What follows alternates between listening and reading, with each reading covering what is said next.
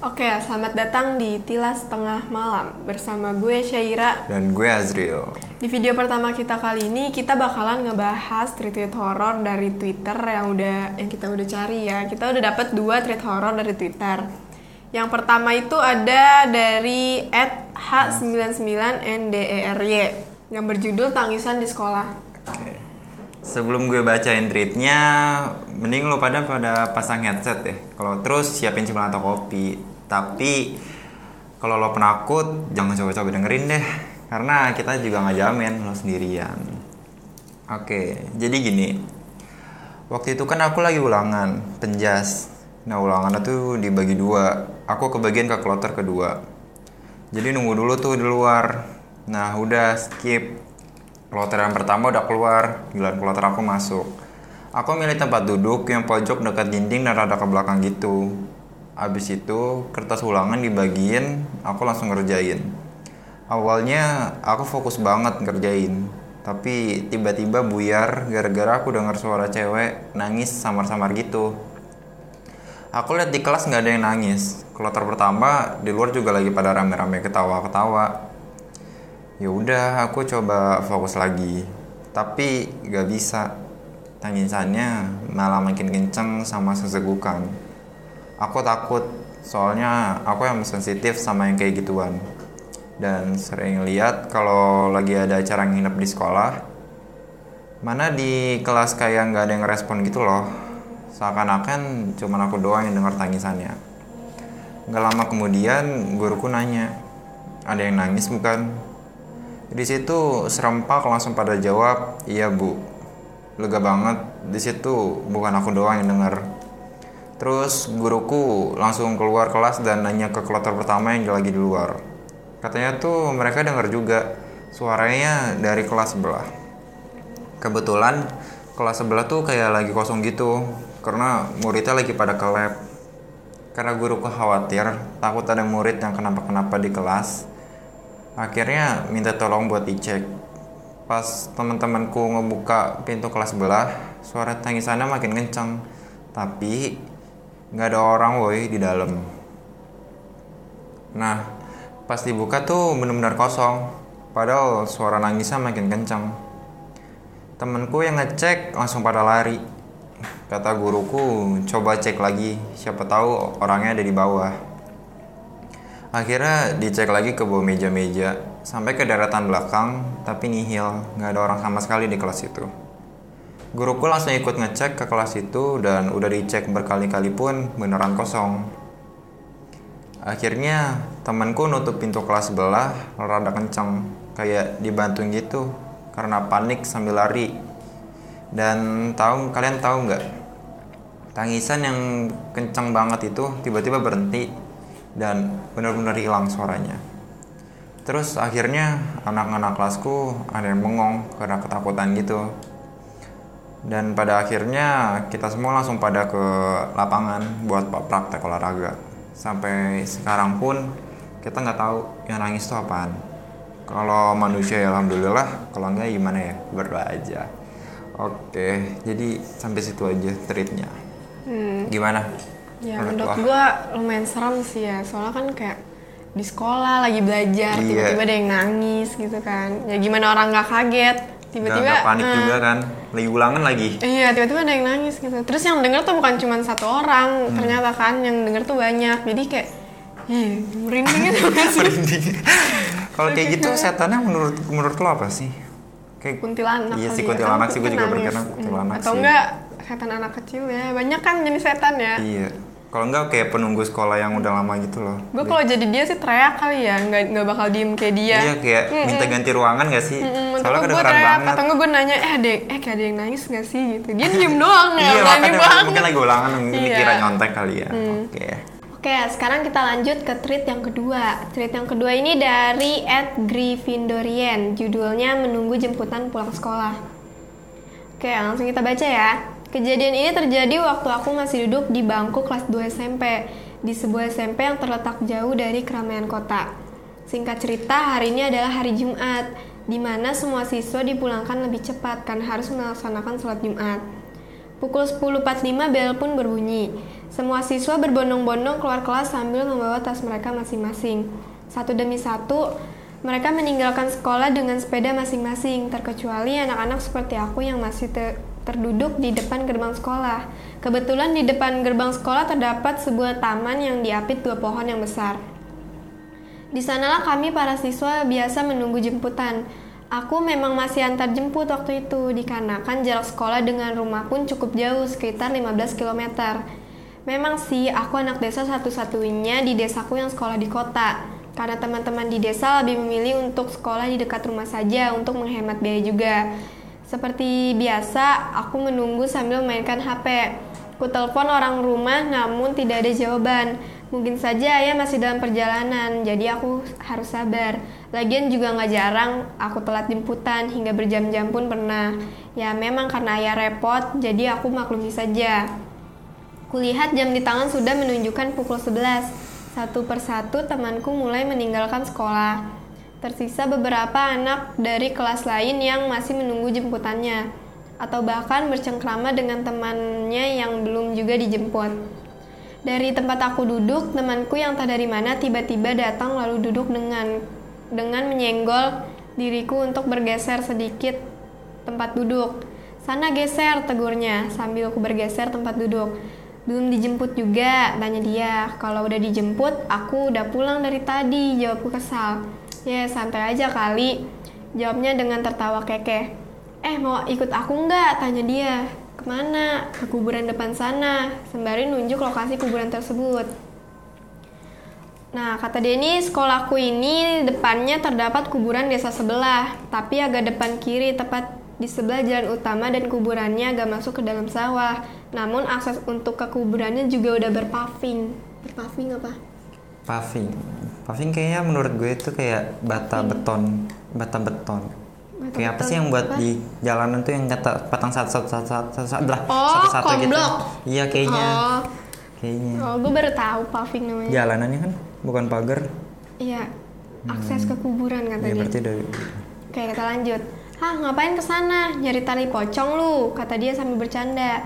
Udah ikut aja yo, lagian lu masih lama belum dijemput. Paksa dia sambil narik aku buat ikut. Tanpa pikir panjang, aku pun mengikuti dia ke kuburan itu. Oh iya, aku lupa jelasin kalau dia tuh bisa lihat yang gituan. Banyak rumor dari teman-teman sekelasnya kalau dia itu indigo, tapi aku nggak tahu bener apa enggak waktu itu.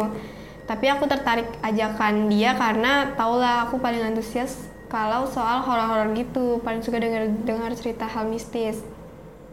Oke, kita sampai di tempat seperti bangunan. Model bangunan itu cuma ada satu ruangan dan terasnya itu lebar banget.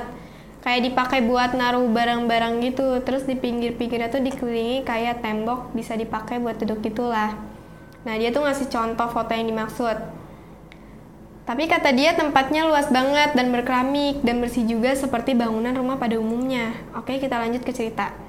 Aku sama dia duduk di pinggir teras tersebut. Asli hawanya sejuk banget, adem banget hembusan anginnya. Awalnya kami duduk-duduk sambil ngobrol menikmati udara sekitar. Juga tercium aroma khas dari bunga di kuburan itu.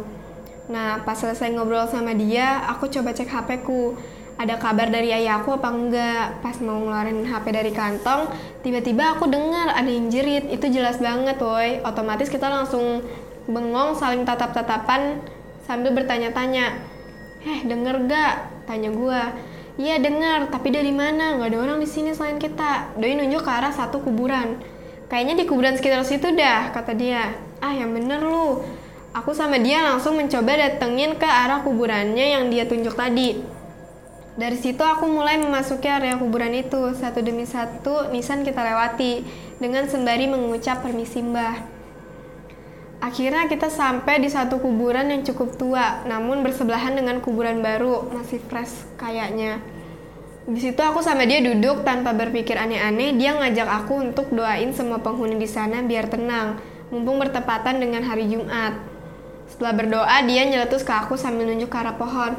Eh itu lihat, ada kepala terbang tadi, sembunyi di balik pohon gede itu.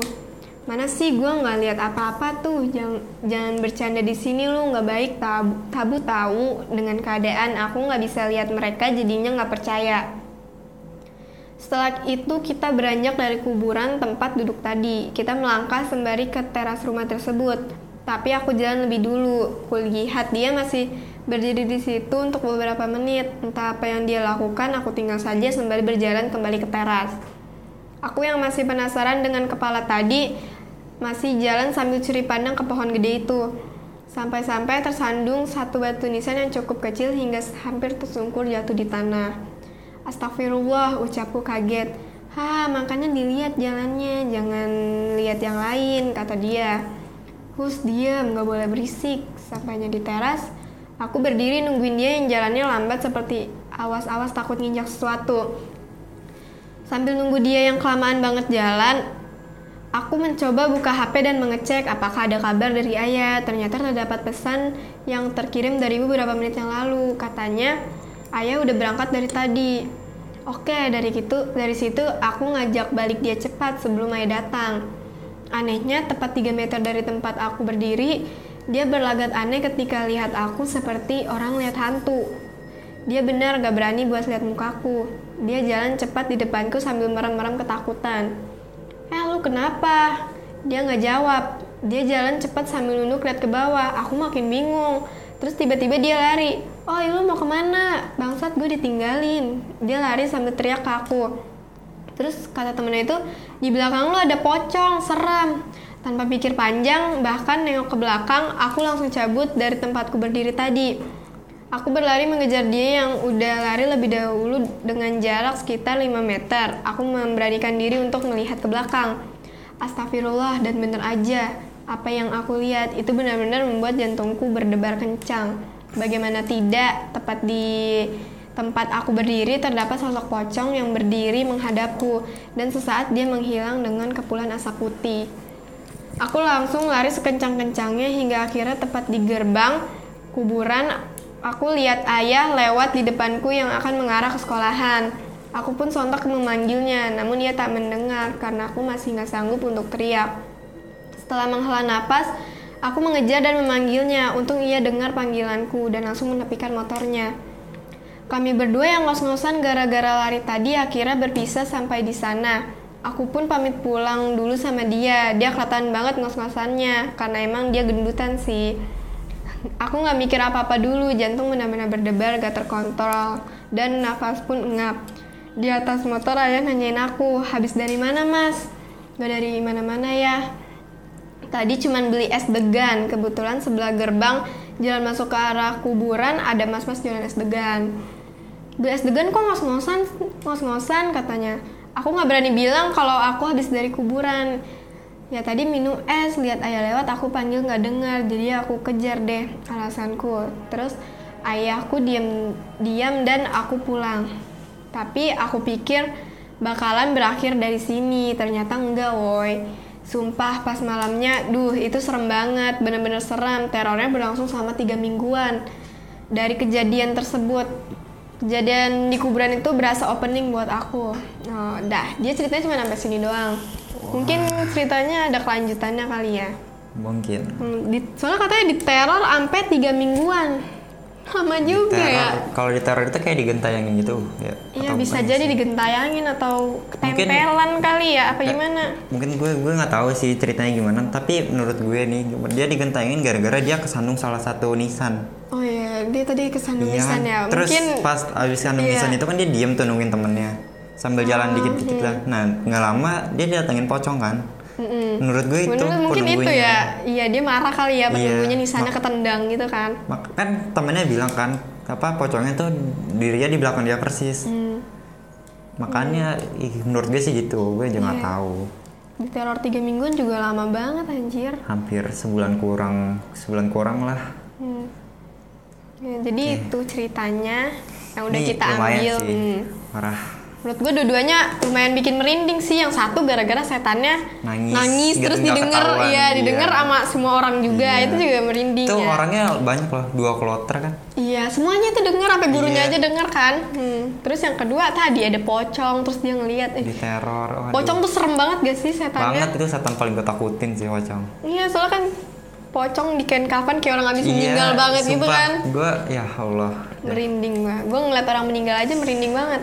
Apalagi ngeliat pocong ya jadi itu cerita kita hari ini kita dapat Dapat treat itu dari at Gryffindorian sama at H99 ND NDRY.